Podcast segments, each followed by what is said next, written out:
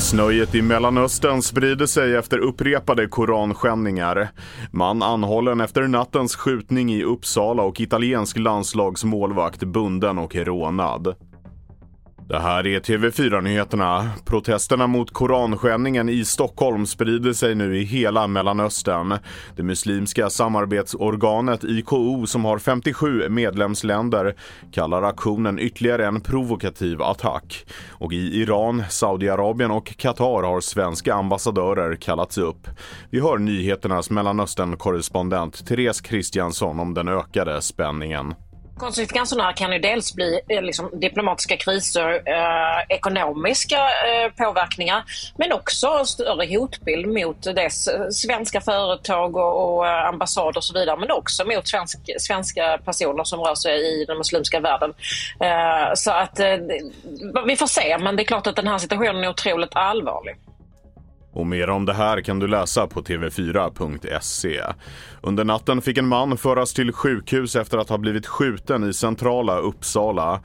Polisen har under morgonen varit förtegen kring händelsen men nu meddelar åklagaren att en tonåring har anhållits på sannolika skäl misstänkt för mordförsök. Skadeläget för den skjutne mannen är fortfarande okänt. En person är död och ytterligare tre har skadats efter att en man gått till attack på en tunnelbanestation i Sydkoreas huvudstad Seoul. Det skriver AFP.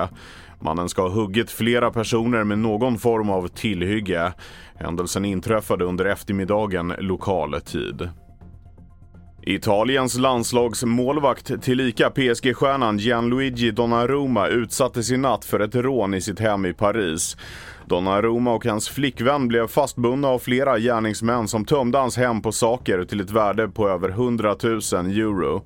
Efter rånet ska de båda ha lyckats ta sig till ett hotell i närheten där personal larmade polis, skriver sajten RMC.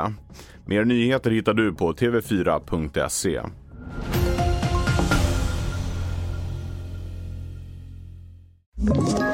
Ett poddtips från Podplay.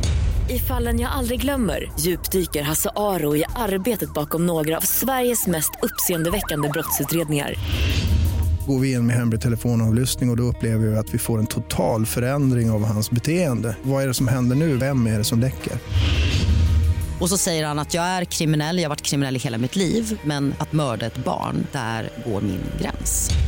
Nya säsongen av Fallen jag aldrig glömmer på Podplay.